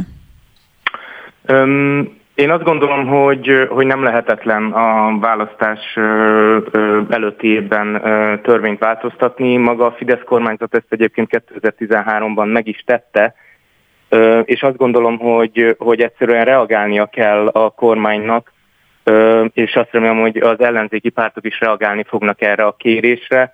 Itt ugye az ENSZ 2019-es adata szerint 632 ezer a mai Magyarországon született magyar választópolgár él külföldön, tehát ez egy jelentős szám, és azt gondolom, hogy ez egy, egy jelentős nyomást ad a, a mi kérésünknek. Mm, ön szerint egy ilyen petícióval mit lehet elérni? Hányan csatlakozhatnak? Ugye már egy elég jelentős számú aláírásuk van. Meddig lehet elmenni ezzel? Hát én azt gondolom, hogy, hogy az elmúlt, én azt látom, hogy az elmúlt 15 évben a petíciók önmagukban nem változtattak meg semmit. Tehát nyilvánvaló, hogy egy petíció, egy fecske nem csinál tavaszt, de hogy mi további tervekkel is rendelkezünk. Éppen ezért nagyon örültünk, amikor Harcsa Veronika jazzénekesnő és Steiner Kristóf gastroblogger is csatlakozott hozzánk. Mindketten éltek külföldön, Harcsa Veronika elmondása szerint 7 éven át uh, ingázott Magyarország és előbb Brüsszel, majd Berlin között. Ennek köszönhetően mi többször élvezhetjük a koncertjét itt Berlinben, uh, és ő tudja, hogy milyen órákon át esőben sorban állni, hogy az ember szavazhasson. Nagyon um, röviden. Bocsánat, Igen. már Kristofal úgyis beszélgetünk mindjárt hírek után, úgyhogy ő elmondja majd a saját uh-huh. véleményét és miért csatlakozott. A levélszavazást van, aki szerint nehéz kontroll alatt tartani. Röviden, mi erről a véleménye? Igen, a levélszavazással kapcsolatban általánosan felmerül az a kérdés, hogy lehetséges-e megfelelően ellenőrizni, miközben az anonimitást garantálni. Én azt gondolom, hogy, hogy hogyha a hogyha az Európai Unió másik 18 tagállamát megnézzük, ahol lehetséges a levélszavazás, akkor, akkor láthatjuk, hogy lehetséges olyan demokratikus garanciákat találni, amik ezt biztosítják. Egyébként az Magyarország ugye a, a határon túl élő, határon túli magyarok számára biztosítja ezt a jogot, tehát hogy nem lenne ez teljesen idegen a magyar választási rendszerben.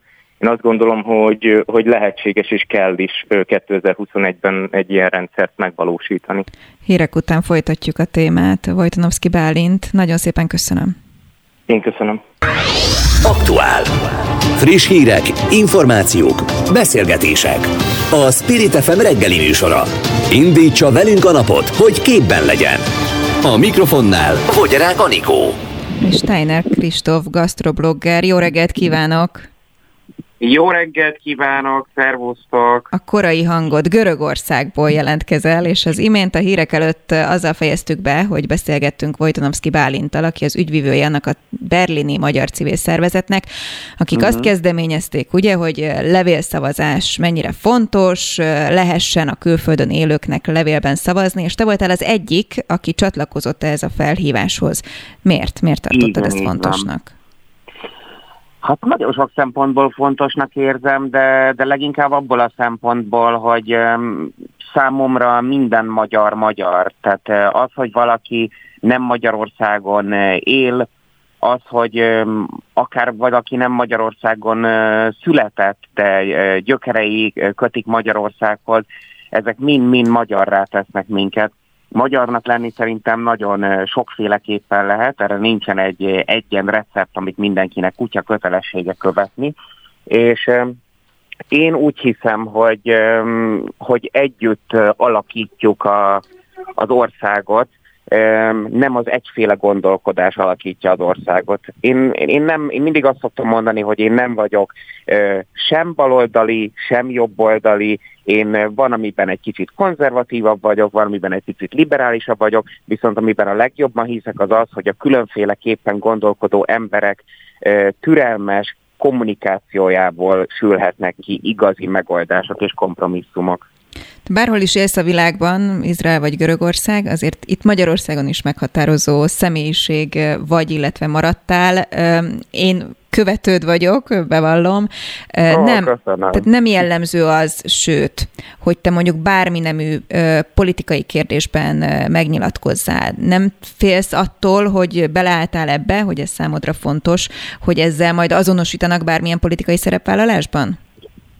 Azért nem tartok tőlem, mert valóban tény, hogy olyan szempontból nem foglalkozom sokat politikával, hogy nem szoktam felugrani erre a vonatra, hogy most akkor ezt a politikus szídjuk, meg azt a politikus szídjuk, viszont, viszont társadalmi ügyekben abszolút szoktam szerepet vállalni és hangsúlyozni az emberek jogainak, alapvető jogainak fontosságát, az állatok jogainak fontosságát, és én abban hiszek, hogy valójában bármi, amit teszünk és mondunk, az tulajdonképpen politika, hiszen a politika közéletet jelent, és önmagában azáltal, hogy beszélünk, beszélünk arról, hogy hogyan viszonyulunk mondjuk a, az oltás kérdéshez, mondjuk a ö, ö, lezárásokhoz, arról, hogy hogyan viszonyulunk állatjogokhoz, ö, minden, minden, minden kötődik a politikához, Úgyhogy én egy elég nyitott, nyitottan gondolkodó és nyitottan kommunikáló ember vagyok, és nem hiszem, hogy csak azért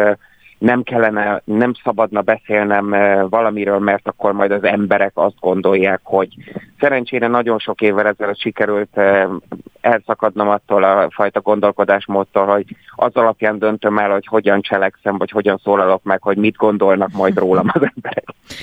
Igen, hát szerencsés vagy, bár mondjuk ugye ilyenkor mondják, hogy hát és el is távolodott meg külföldről, könnyű beszélni. Mm, no, igen, Görögország, ha megengeded, megragadnám az alkalmat, hogy kapjunk információt onnan. Nálatok milyen most épp egyébként a járványhelyzet? Te magad, ti például hogyan éltétek meg ezt az elmúlt időszakot? Mehetek nyaralni hozzád idén? Hogy látod? Igen, úgy tűnik, hogy, úgy tűnik, hogy jöhettek, és nagyon örülünk neki, mert eh, mi itt Görögországban ilyen gasztrokalandokat vezetünk eh, főzőkurzusokkal, meg a, a helyi termelőkkel. Akkor nektek sem mindegy, igen. igen, és nekünk, nekünk ez óriási eh, dolog, hogy ki, hát most már biztosan tudjuk, hogy Görögország végre nyit, Viszont hozzá kell tennem, hogy ugye nagyon sok barátomat láttam panaszkodni a, a magyarországi lezárásokról, és muszáj elmondanom viszonyításképpen, hogy nálunk Görögországban hat hónapon keresztül tartott az a fajta lockdown, ami Magyarországon néhány hétig, tehát, és még annál is sokkal durvábban. Tehát mi például nem hagyhattuk el a régiónkat, az otthonainkat kizárólag írásos engedéllyel hagyhattuk el maximum 90 percre, hm. és november eleje óta zajlott ez a fajta lockdown, Úgyhogy, úgyhogy hát a görög, görög szabályozás tényleg mindent elkövetett annak érdekében, hogy, hogy megmentsék a görög nyarat, hiszen nekik ez az egyetlen és legfontosabb bevételi forrásuk a turizmus. Úgyhogy most hétfőn, húsvét, a görög húsvét után most hétfőn kinyitottak a, a tavernák végre, és fél év után végre itt a kis falunkban le tudtunk menni a tengerpartra, és kiülni a teraszra, és végre megölelni a kedvenc szakácsnénket. igen, igen, láthatjuk ezt is, hogyha valaki követ téged. Oltással mi a helyzet Görögországban? Nálatok is vannak egyébként vírus tagadók, meg vírus szkeptikusok, vagy, vagy ott is azt mm. gondolják, hogy az oltás a megoldás mindenre? Hát bevallom őszintén, hogy én, én amúgy ilyen vírus tagadó emberekkel szinte sehol nem találkoztam. Én mindig olyan emberekkel találkoztam, akik kérdéseket vetnek fel a szabályozásokkal, uh-huh. vagy a vírushelyzet kezelésével kapcsolatban, és akkor a, a másik oldalról rájuk sütik azt, hogy ők vírustagadók. Tehát, hogy én, én tényleg olyan emberrel nem találkoztam soha, aki azt mondta, hogy ez a vírus nem létezik. Biztos van, de szerintem na, sokkal kevesebb ilyen ember van, mint, mint akikre szeretjük ezt rásütni, hogy leegyszerűsítjük a saját narratívánkat. És, és a, a többi elgondolás szempontjából mindenféle ember van itt, tehát ismerek olyat, aki, aki például nem nyitotta ki még a tavernáját, mert még nincsenek elegen beoltva. Ismerek olyat, aki lezárások alatt is járkált gondoskodni a, az ültetvényeiről, és semmiféle félelemérzet nem volt benne akkor sem, hogyha együtt dolgozott az ültetvényeken másokkal, és Hát Görögországban még így ebből a szempontból az fontos megemlíteni, hogy Aténban volt egy elég komoly összecsapás, mert, mert tényleg nagyon komolyan vették a lezárásokat, és a rendőrség néhány alkalommal nagyon agresszívan lépett fel olyanokkal szemben, akik egyébként gyakorlatilag mondjuk egy parkban ültek és falafel szendvicset ettek, mert egy nagyon sok olyan ember van, aki ugye dolgozik, és az éttermek úgy voltak csak nyitva, hogy elvitelre, és hát valahol meg kell enniük az ételüket, de közben nem szabad az utcán enni, meg leülni, és és sajnos nagyon komoly agresszív összecsapások voltak, ami egy nemzetközi felháborodást váltott ki. Úgyhogy szerencsére ez most már elcsitulni látszik, és a rendőrség is úgy tartja fenn a rendet, hogy közben nem folyamodnak semmiféle agresszióhoz, és, és én úgy érzem, és úgy látom, hogy azért a görögök nagy része abszolút felelősségteljesen kezeli a járványhelyzetet, még akkor is, hogyha tényleg sokféleképpen gondolkodnak. Steiner Kristóf, nagyon szépen köszönöm, hogy Görögországból a rendelkezésünkre álltál. Szép napot Én neked. is nagyon köszönöm, és mindenkinek szép napot kívánok. Aktuális közlekedési helyzetkép a fővárosból, a BKK Info szakemberétől, a Spirit FM reggeli műsorában. Csúcsidő. Szép Csilla, a BKK Info ügyeletese itt van velünk ismét. Volt-e valami változás az elmúlt egy órában, Csilla? Hogyan lehet közlekedni? Jó napot kívánok, üdvözlöm a hallgatókat is. Hát annyi változás történt itt az elmúlt egy órában, több kisebb baleset is volt, de szerencsére ezek rövid ideig akadályozták a forgalmat, szóval most szerencsére balesetről nem tudok beszámolni. Torlódások továbbra is vannak mind a bevezető utakon, illetve most már jobban a belvárosban is. Arra szól a Kocsisor, a Vámház körút, Múzeum körút útvonalon, de a Balcsi úton és az Andrási úton is befelé az Erzsébet tér előtt de lassú haladásra kell készülni a budai alsó rakparton szakaszonként és a pesti alsó rakparton is. Tudsz-e bármilyen lezárásról, amire figyelni kell majd a nap folyamán, vagy akár éjszaka, van-e ilyen, amire fel kell hívni a figyelmet? A belvárosban a héten a nyolcadik kerületben kell lomtalanítás miatt különböző tehát időszakos korlátozásra készülni. Ma például a József körút, Baros utca, Orci út, Kőris utca, Práter utca, Leonardo da Vinci utca, Ülői út által határolt területen, de például a 9. kerületben a Lónyai utcában, a Kimizsi utcánál és a Cucor utcánál is útszükleten kell áthajtani karbantartás miatt. Szép Csilla, nagyon szépen köszönjük a friss információkat. Köszönöm szépen. Aktuál. Friss hírek, információk, beszélgetések. A Spirit FM reggeli műsora. Indítsa velünk a napot, hogy képben legyen. A mikrofonnál Fogyarák Anikó. És Balázs Kata, aki kommunikációs osztályvezetője az UNICEF-nek. Szép napot kívánok! Jó reggelt kívánok! És arról fog nekünk mesélni, hogy egy új kampányuk van, egy új programjuk van, amelyben Berg Judit írónő ismert mesefigurái kelnek útra. No, hova, kihez, mi ez a kampány? Hát körbejárják a világot.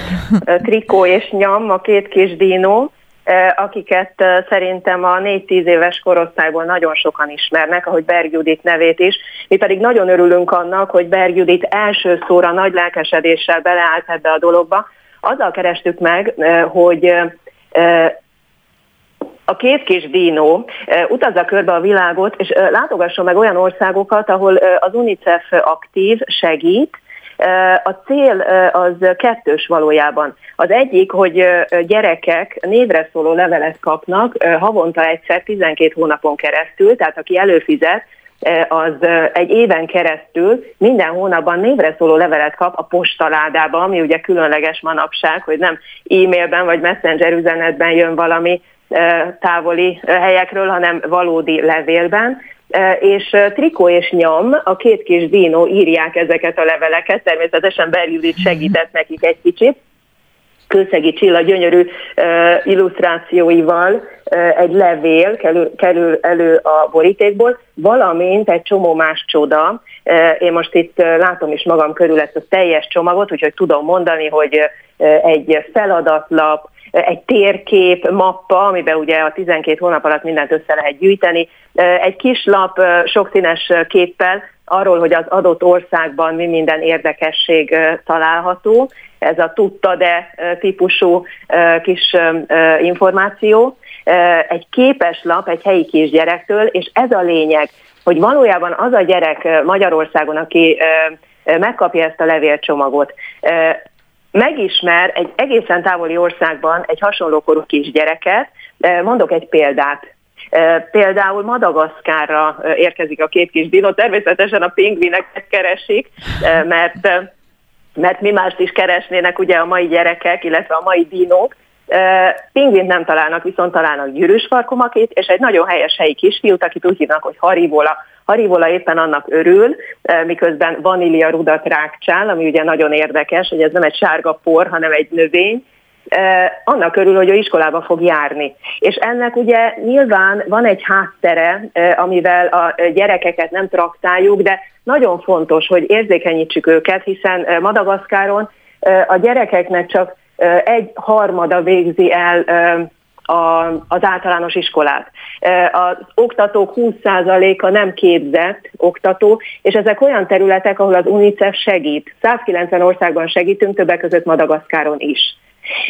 A másik dolog azon kívül, hogy ez egy valóban értékes, meg tartalmas családi szórakozássá válhat, egy-egy ilyen levélcsomag közös elolvasása, feladatok megoldása, Mellette természetesen ez az adománygyűjtésnek egy formabontó módja, Paddington Maci Nagy-Britanniában hasonló körútra indult, és ez adta nekünk az ötletet, hiszen nagyon fontos, hogy az UNICEF Magyarország az a nagy UNICEF családnak a tagja, zajlik a tudás megosztás, és mi szerettük volna ezt a Paddington történetet adaptálni, itt találtuk meg Berjuditot, akinek most a nem sokára hat részesre bővülő sorozatát a Pagony kiadó gondozza. Úgyhogy nagyon nagy várakozással nézünk itt az események elébe, mert az első három nap azt mutatja, hogy már több száz feliratkozónk van. És szintén fontos megemlíteni, hogy miközben természetesen a világ minden táján humanitárius segítségnyújtás zajlik az UNICEF színeiben, Magyarországon is segítünk.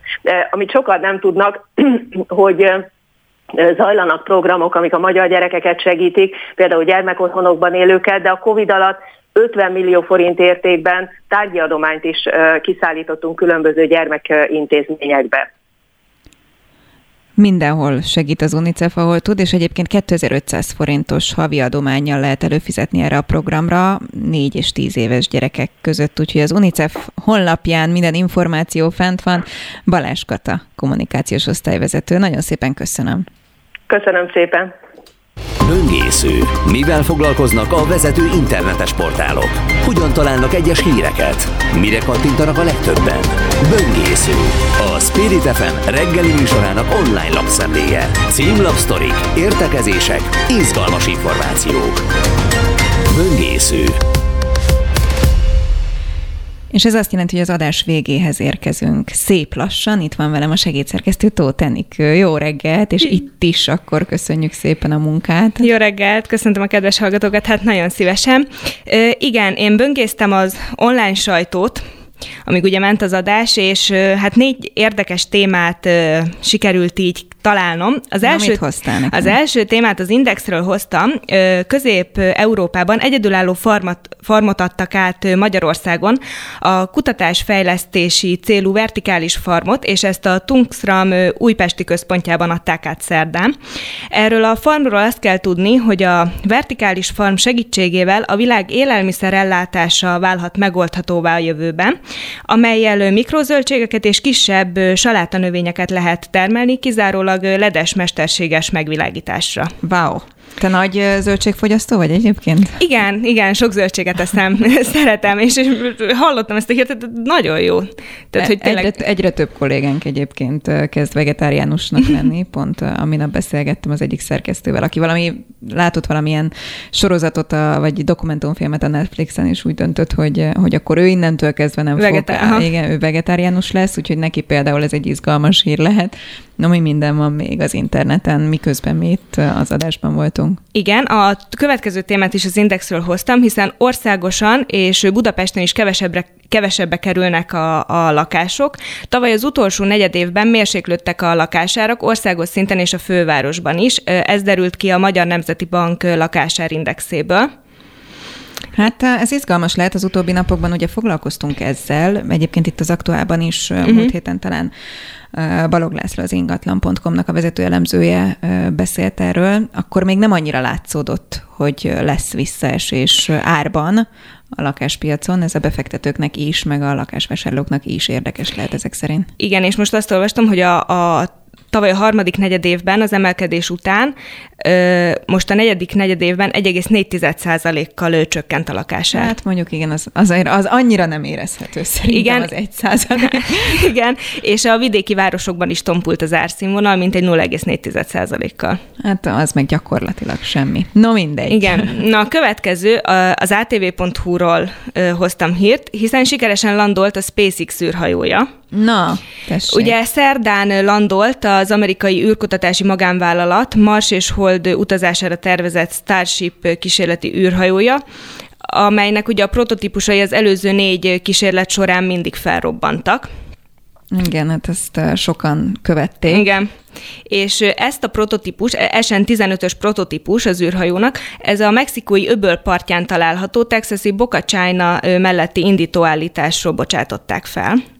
Amit egyébként a YouTube-on lehetett élőben Igen, követni. igen, épp most akartam mondani, ja, hogy semmi baj, hogy lehetett látni felvételen, és azt is lehetett látni, hogy lang, lángok csaptak fel 50 méter magasról az űrhajó aljából, de ugye az gyorsan sikerült eloltani szerencsére. Igen, ezek hihetetlen ijesztőek Igen. lehetnek, nem? Meg micsoda, micsoda hihetetlen. para lehet, amikor ott Nagyon. ülnek a központban, és akkor Igen. várják, hogy akkor visszaszámolnak, és három, kettő, egy. Így van. Nagyon És fél év leforgása alatt ez volt az ötödik kísérlet.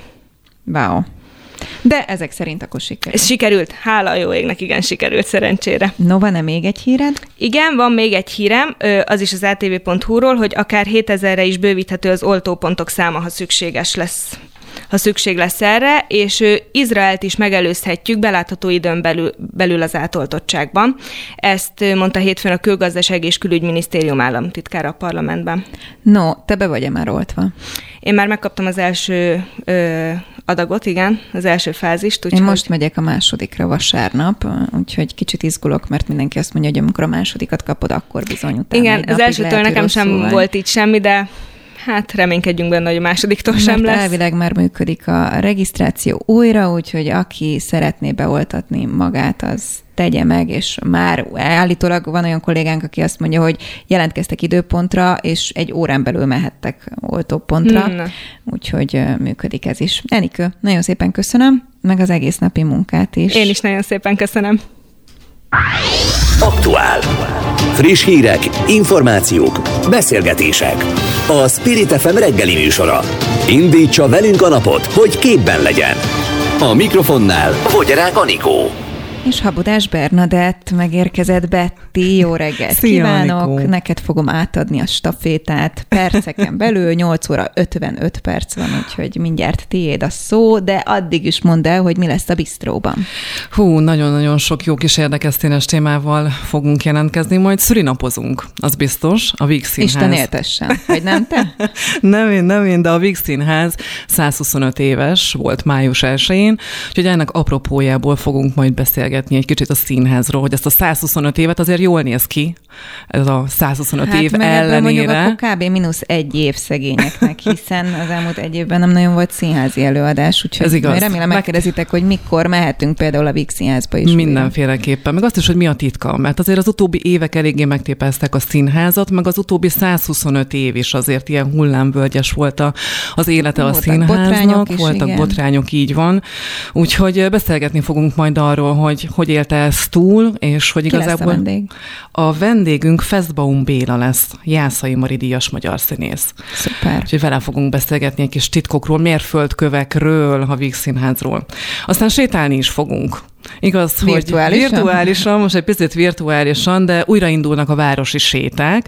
Nem tudom, hogy te voltál-e már ilyen városi sétán, vagy hallottál-e már Kettőször erről? Kettőször sikerült jegyet vennem erre, mert ez úgy működik. Egyszer elmosta tökéletesen a, a, az első Covid hullám, és utána nem is tudtam élni a lehetőséggel, mert ugye érkezett a kisfiam, úgyhogy kimaradt, uh-huh. és most is ezt kaptam egyébként születésnapomra a legjobb barátnőmtől, Hajagos Anditól, úgyhogy remélem, hogy végre eljutunk majd egy ilyen városi sétára. Hajrá, hajrá, szerintem ez szuper kis program. Én voltam már egy ilyen sétán. Na, voltál? Én a Kárluc emléksétán voltam. Nagyon sokféle van, minden típus. Igen, igen, de ugye picit... történelem, meg Budapestnek a nevezetességei, épületek. Azt így volt ötvöz... gasztro is, úgyhogy igen, rengeteg, rengeteg féle. Végre rengeteg lehet féle. menni újra, úgyhogy aki teheti menjen. Így van, így van. Úgyhogy erről is fogunk beszélni, hogy milyen séták vannak most, hova mehetünk, hogy foglalhatunk jegyet, és a többi. És Na a még többi. egy témát választál. Na még egy témát mondok, mondok egy picit nem annyira derűs témát, ez pedig India és az UNICEF. Ugye azt tudjuk, hogy Indiában most jelenleg mi a helyzet.